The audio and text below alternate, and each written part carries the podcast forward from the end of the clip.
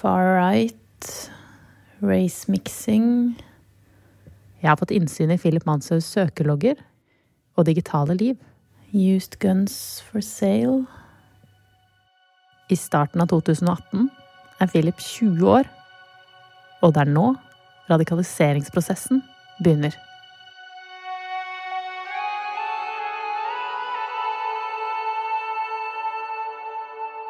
Jeg heter Mari Lund Viktorsen, og du hører på Noen å hate, en dokumentarserie fra Aftenposten. Ti år etter 22. juli skal jeg ta deg med inn i en internettkultur som hyller Anders Behring Breivik, og som radikaliserte Philip Manshaus.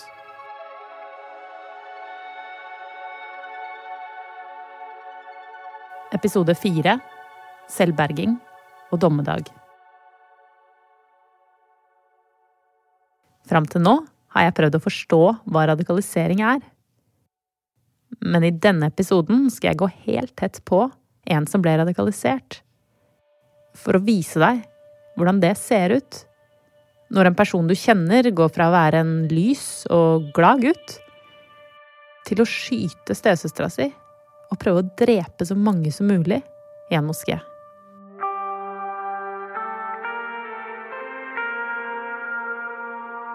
Philips radikaliseringsprosess starta på YouTube.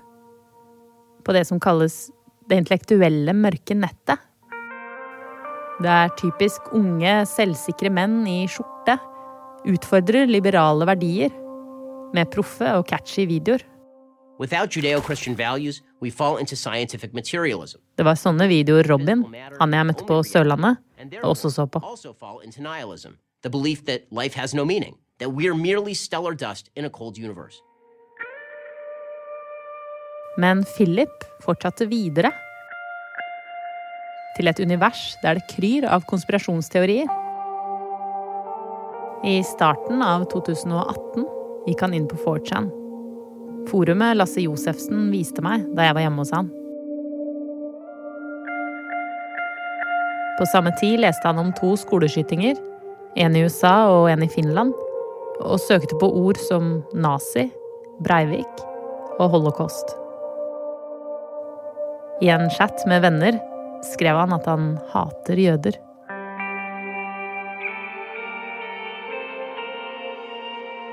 Han ønska å begynne på Fosen økologiske folkehøgskole i Trøndelag, og søkte om plass på selvbergingslinja.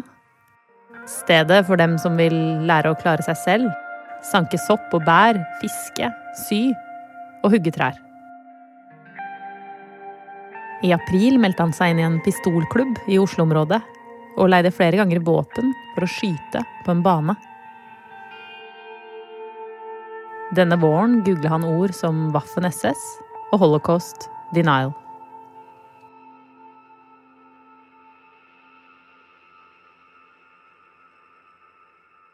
Jeg er så nysgjerrig på hva han selv tenker er grunnen til at han forandra seg og endte med å gjøre det han gjorde. Men bare noen dager etter praten min med Philip ringer de fra fengselet mens jeg er på tur til en intervjuavtale med produsenten min Peter.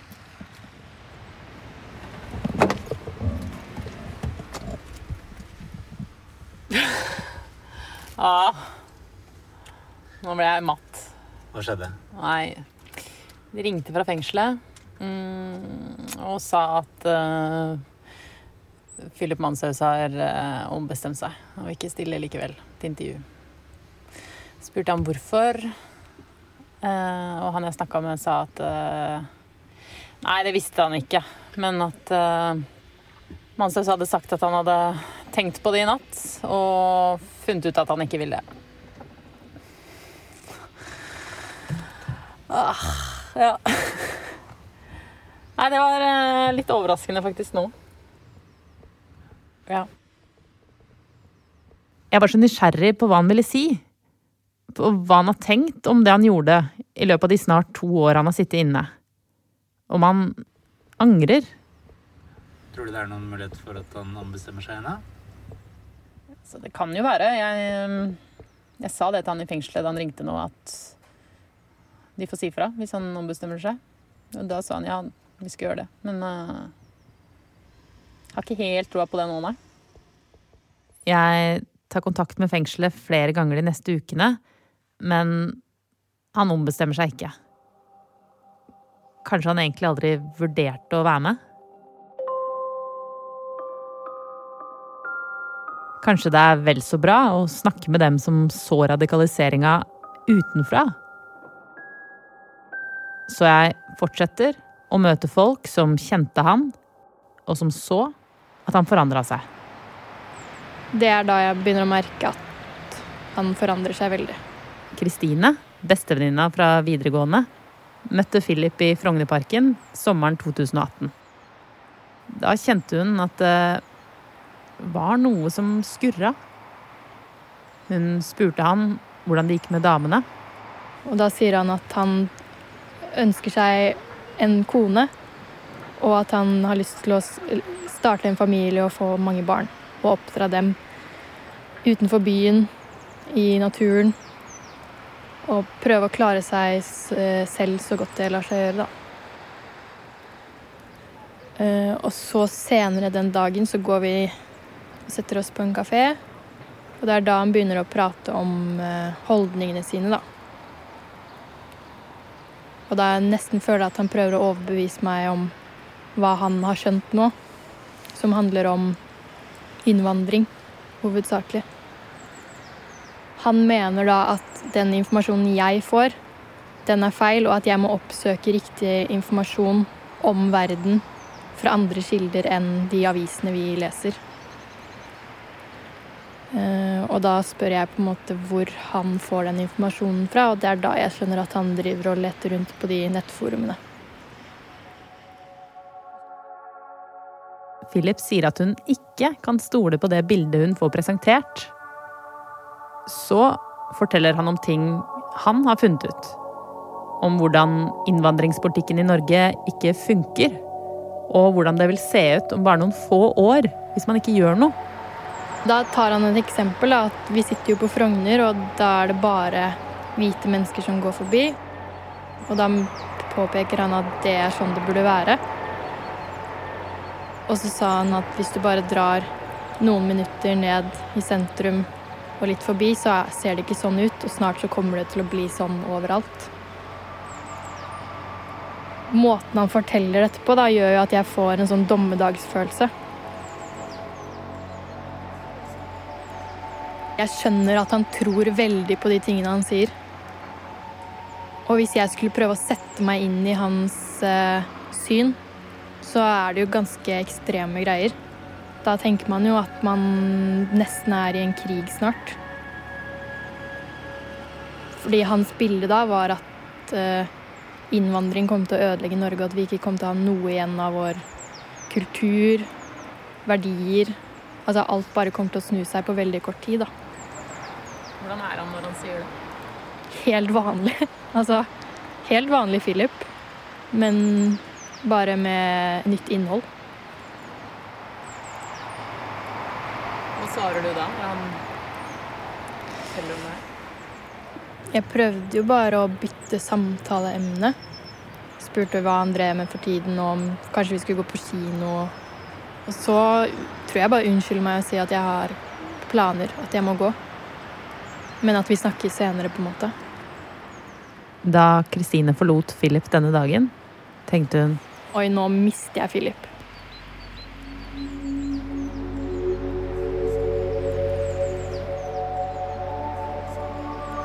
Jeg har aldri hatt en så nær venn som har sagt sånne ting.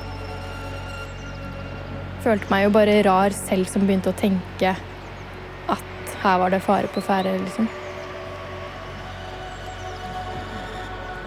Angrer du på at du ikke sa noe? Jeg angrer veldig på at jeg ikke sa noe til han akkurat der og da, men jeg angrer også på at jeg ikke har sagt ifra til noen.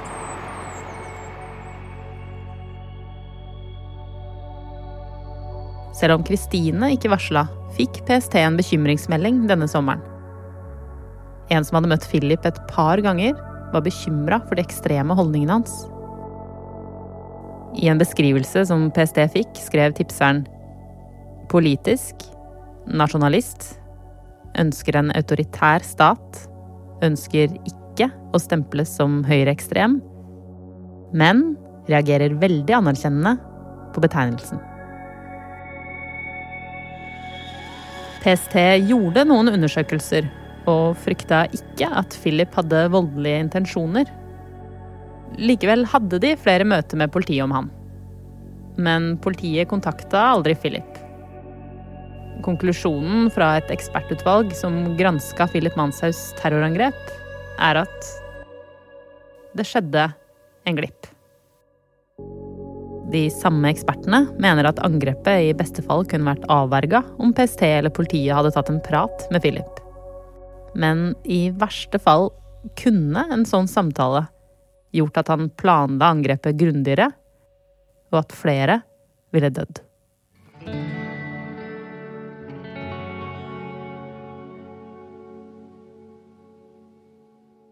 I august 2018 begynte Philip på Fosen folkehøgskole. Og at det ble akkurat selvbergingslinja, virker ikke tilfeldig.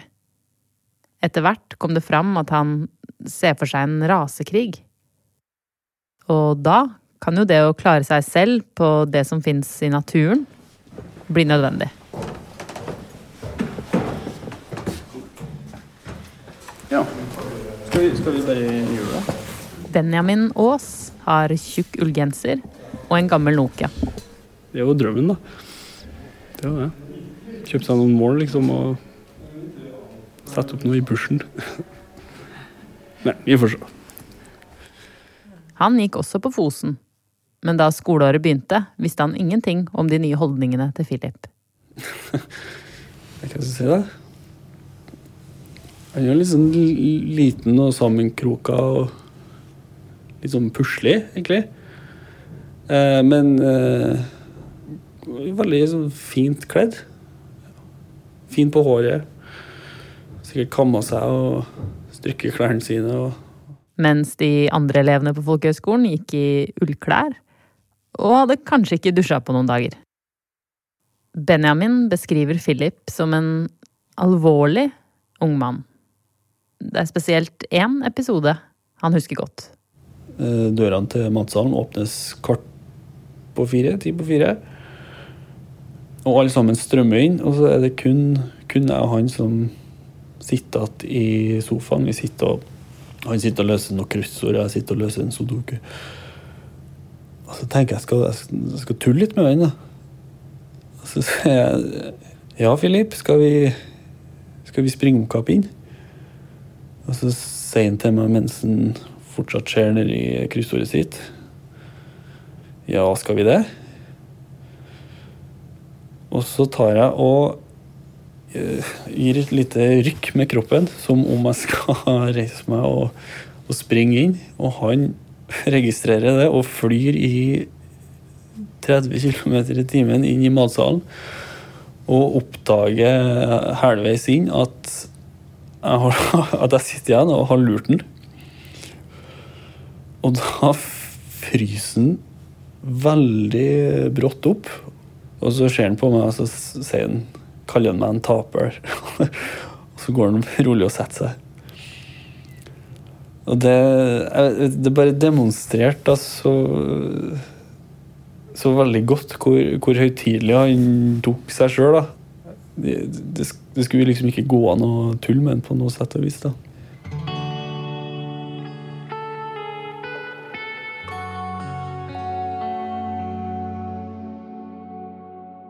Det første halvåret på folkehøgskolen leste Philip om massakrer rundt om i verden.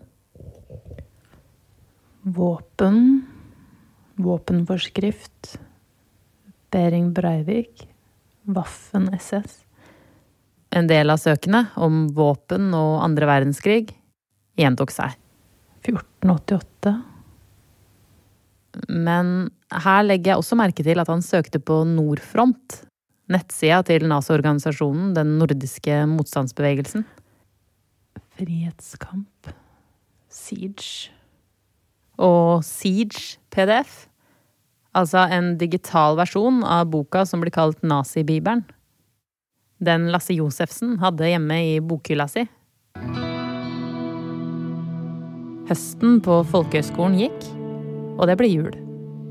Philip reiste hjem til Bærum på juleferie. Kristine, hadde nå nesten mista kontakten med Philip. Men de sendte innimellom meldinger til hverandre, og mens Philip var hjemme på ferie, avtalte de det som skulle bli deres aller siste møte. På et bakeri på Majorstua. Og det jeg mener jeg ser da, det er en ny Philip. Jeg ser en Philip som går annerledes. Som eh, har nye klær. Eh, frakk og glatt, finkjemmet hår og nye briller og Hvis man kjenner Philip, så Han var jo litt sånn vimsete og klønete og litt sånn slentrende, men nå var han på en måte stolt og rak i ryggen, og han virket veldig selvsikker, da. Han åpnet døren for meg og var liksom en gentleman, da, hvis man kan beskrive det sånn, som jeg ikke kjenner han som i det hele tatt. Og ikke så avslappet som han var heller. Han snakket annerledes. Han hadde mye mer sånn rolig stemme, kontrollert. Enda mer forståelsesfull. Enda mer empatisk, på en måte. Så hele greia var jo bare helt merkelig. Men jeg tenkte jo her er det en karakter. Han spiller en slags rolle. Og det som på en måte kompliserer det igjen, er at jeg føler jo at han var Philip. Bare en litt mer høflig versjon. Merkelig å snakke om. Og jeg, jeg, sliter med å forklare dette, fordi det høres jo Jeg syns det høres så rart ut selv. Men det var et av de merkeligste øyeblikkene i mitt liv.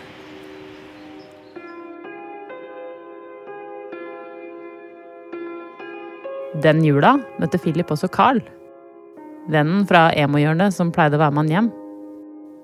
Philip hadde lånt et kamera, så han stakk innom leiligheten til Carl på Sagen i Oslo for å levere det tilbake.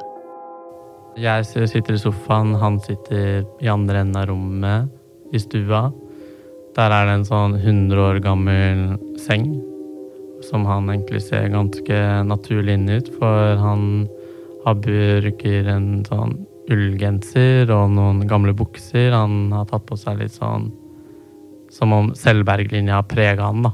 At han har virkelig tatt den linja til hjertet. Han forteller meg at han sto opp klokka åtte, lufta hunden, hadde gjort masse greier.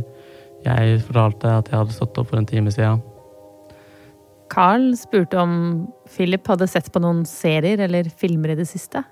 Og så svarer han at han ikke gjør det. Og jeg var litt sånn Du ser ikke på serier? Og det, gjorde, det gjør han ikke. For det ser han på som unødvendig tidsbruk. For alt man skal gjøre, skal man gjøre for å liksom forbedre seg selv. Karakterutvikling, da. Bedre seg selv som menneske. For mange nynazister i dag er det viktig å se velstelt ut. De skal framstå som ordentlige representanter for den hvite rase. Det her er også noe som Anders Behring Breivik var opptatt av. I manifestet sitt brukte han mange sider på å forklare hvordan man skal lage pressebilder og skape et brand. I leiligheten på Sagene merka kompisen at Philip hadde tatt det Carl kaller en veldig høyresving. Og plutselig så diskuterer vi innvandringsspørsmål og politiske spørsmål. Jeg føler det var mer prega av at han vil ha Norge tilbake til sånn gamle dager, mer enn at det er rasemotivert. Så jeg spør hvordan vi skal gjøre det med en kompis av meg da, som er er halvt norsk og halvt somalisk, som Philip har møtt ved flere anledninger gjennom videregående. Og han har heller ingen gode svar til det. Det virker som han bare har fått noen ideer og tanker og som han egentlig ikke helt har tenkt godt igjennom, da. Etter at Philip hadde gått, sendte Carl melding til et par venner. Han skrev Philip har blitt veldig høyere. Så om de spurte her, hva mener du, og så skal jeg, skal jeg forklare dem da, hva jeg mente, så husker jeg syntes det var ubehagelig, for jeg var sånn der, men nå får jeg han til å høres som en skikkelig rasist.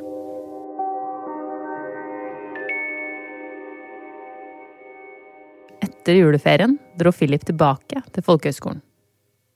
En dag i januar 2019 ble elevene delt inn i grupper.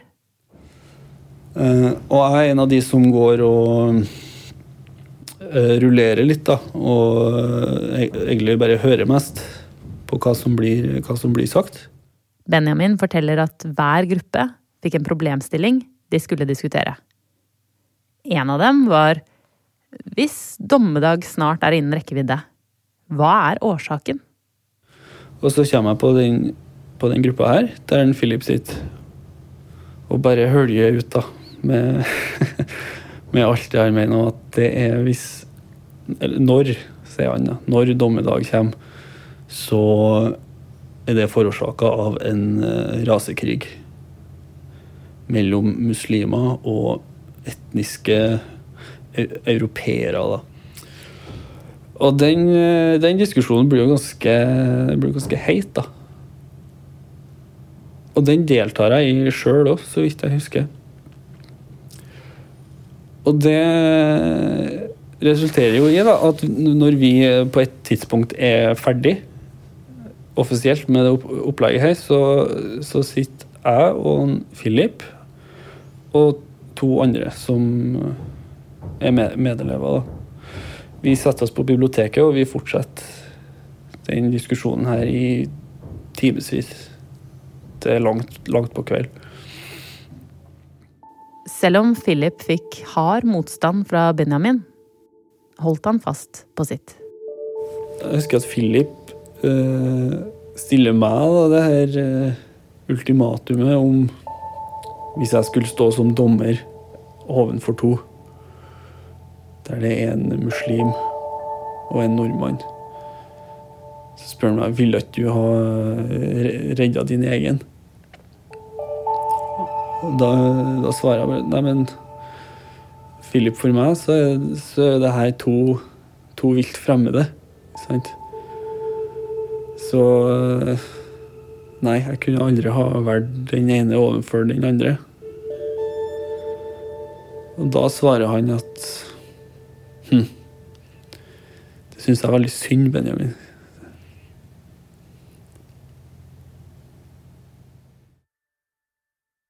Til tross for kvelden på biblioteket og at alle skal ha vært uenige med han, fortsatte Philip å si drøye og upopulære ting. Vi, eh, vi sitter ute i en, sånn sofa, en sofaseksjon på en måte som er utafor matsalen. Der det alltid satt noen og bare prata skitt. Og da, kommer, da nevner han for oss som sitter her, at uh, ja, ha, en dag så skal jeg ha sju barn. Han skal ha et småbruk, og han skal leve et liv, da. Så sier vi jaha, sju, sju barn? Det var, det var jo voldsomt. Det er jo, det er jo nesten ingen som har sju barn. Og da, da ser han på meg, og så sier han Benjamin, vet du hva fremtida trenger? Fremtida trenger krigere. Og hvordan er det du skal få krigere? Jo, da må du ha barn. Og så går han sin vei. Senere sa Philip noe som gjorde at Benjamin og flere andre elever ble ekstra bekymra. Det var at han vurderte å søke om medlemskap hos den nordiske motstandsbevegelsen. Og det er jo en gjeng som jeg hadde en del kjennskap til fra før av. Benjamin var med i et venstreradikalt miljø i tenåra som aksjonerte mot den nordiske motstandsbevegelsen. Så han visste godt at de drev med både våpen og kamptrening, og har arrangert flere nazimarsjer i Norge. Og det er en litt drøy gjeng å begynne å involvere seg i. At Philip sa han vurderte å søke om medlemskap der, gjorde at Benjamin bestemte seg for å varsle noen. Benjamin var nervøs for at Philip skulle velge et miljø hvor alle var enige med ham, og at han aldri ville komme seg ut igjen. Uh, og da gikk jeg til en i skoleledelsen og sa at her må noen snakke med den gutten her, fordi han er på et ganske alvorlig villspor. Det skal ikke ha skjedd så mye fra skoleledelsens side etter at Benjamin varsla. Uh, og da fikk jeg beskjed om at nei, det, det her det tror ikke jeg er noe å bekymre seg over. Benjamin mener Philip må ha moderert seg i samtalen. Læreren på selvbergingslinja ønsker ikke å kommentere det som Benjamin sier om at det ikke var noe å bekymre seg over. Men han forteller at han hadde like tett kontakt med Philip som med de andre elevene. Alle folkehøyskolene i Norge lærte mye av dette, sier han. For eksempel har mange skoler holdt kurs for de ansatte om ekstreme holdninger.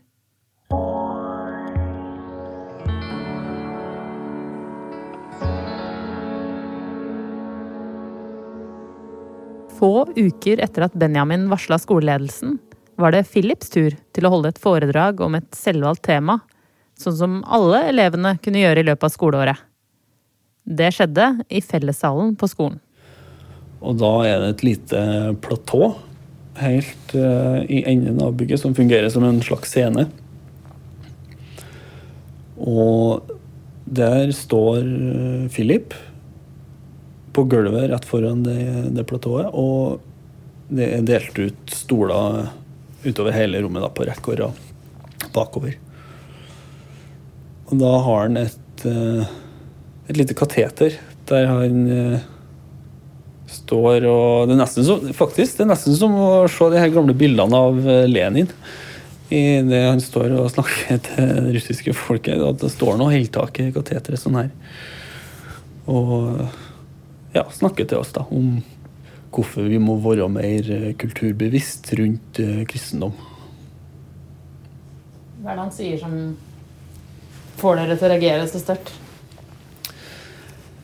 Det som vekket så stor eh, oppsikt, det var det at det ble så manisk. Det ble så alt, altoppslukende. Og det var alt han snakka om, alt han nærmest tenkte på, tenkte jeg. At nå skulle han være kristen. Og det skjedde så plutselig, og det var så voldsomt. Han hadde en liten pocketbibel som han hadde på innerlomma si til enhver tid. Og den ble han observert med morgen og kveld og alt derimellom.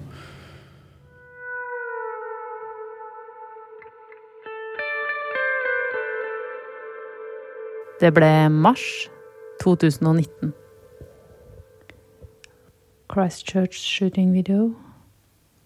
På denne tida søkte Philip på New Zealand, St. Tarrant Grunnen til det er at 15. mars 2019 gikk soloterroristen Brenton Tarrant inn i to moskeer i byen Christchurch og drepte 51 personer.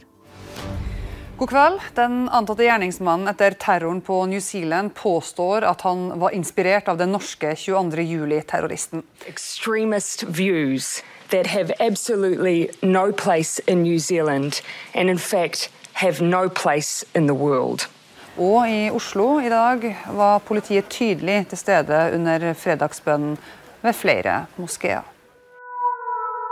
Før han gikk til angrep i moskeene, la Tarrant ut et manifest på nett. Akkurat sånn som Breivik hadde gjort åtte år tidligere. I manifestet hylla Tarrant den norske terroristen og ba alle som mener det samme som han, om å bli med i rasekrigen. Og oppfordringa ble hørt.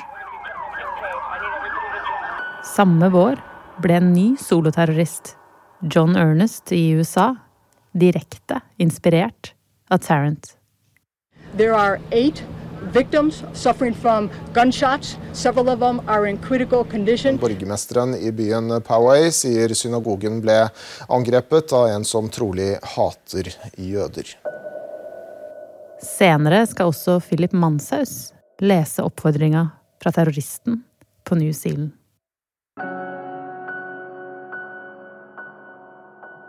Benjamin visste ikke hva Philip satt og så på, men han la merke til at han ofte satt alene foran PC-en på biblioteket. Og da satt han nesten hver gang, tror jeg var der, så satt han der for seg sjøl, litt på en enslig stol i et hjørne. Og da hadde han liksom hendene ofte litt sånn her i kors, eller han satt og Det var veldig tydelig at han fulgte veldig nøye med på et eller annet. da. Den her hjernevaskinga på en måte som han pådrog seg sjøl, all den her informasjonen som han søkte å få bekrefta, den det skjedde liksom bare noen meter unna oss. da. I politiets oversikt over Philips digitale liv ser jeg at etter angrepet på New Zealand søkte han på mer og mer høyreekstremt innhold. Det, jeg husker En gang så var det en annen kar som gikk på skole, og han hadde gått og klappa ham på skuldrene og stilt seg bak ham og fått med seg skjermen. Og da hadde han eh, sett at han hadde hatt en del hurtiglinker da, til de her forumene som har, liksom, har blitt nevnt mye etterkant. da. 4chan, ja, for eksempel. Nå er jeg på et sted på 4chan som heter uh, Pol. Og her så var også Philip Manshaus. Is anyone here suffering from nigger fatigue?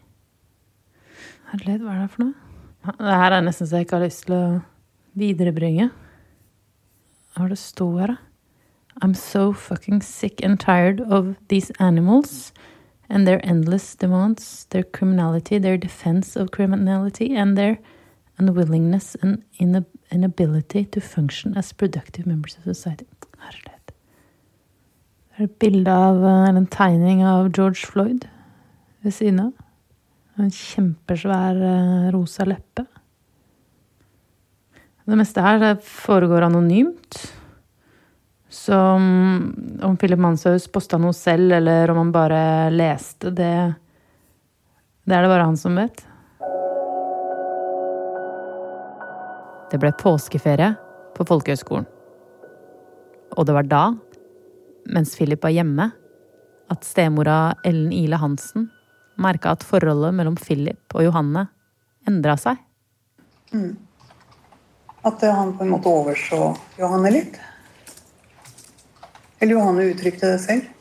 Hjemme hadde de diskusjoner om innvandring, og Johanne hørte Philip si at innvandringen måtte begrenses. Altså hun, sånn hun, Det var jo ikke noe hyggelig for henne, som var eh, kinesisk. eh, Sånn at hun eh, ja, Hun var jo altså hun, først og fremst bekymret for utviklingen til Philip. Hun, hun var jo veldig glad i Philip. Og hun følte vel egentlig også at hun mistet han, sånn som vi alle på en måte har mistet Philip. Når han etter min mening mistet seg selv.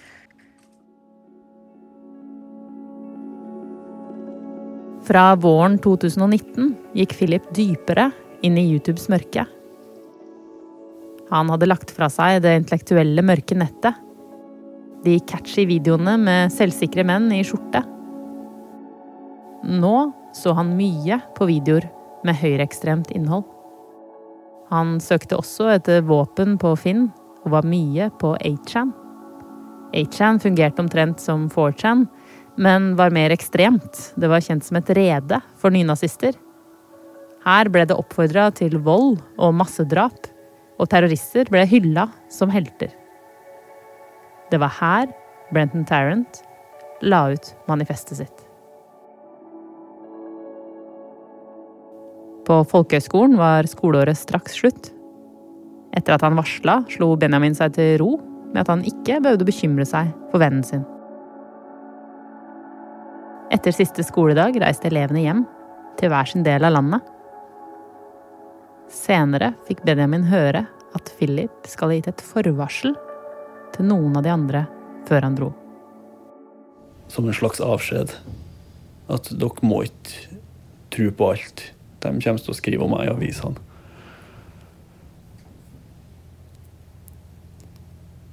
Og etter det så hadde han bare dratt.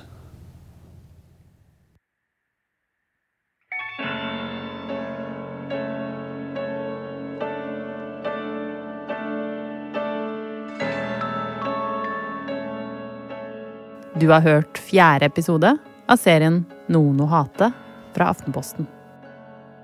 Siste episode kommer tirsdag 15. juni. Vil du høre hele serien med en gang, gå til ap.no hate. Research Trond Strøm og meg, Mari Lund Viktorsen. Produsent og klipp Peter Daatland. Reportasjeledelse Tonje Gedius og Karoline Fossland.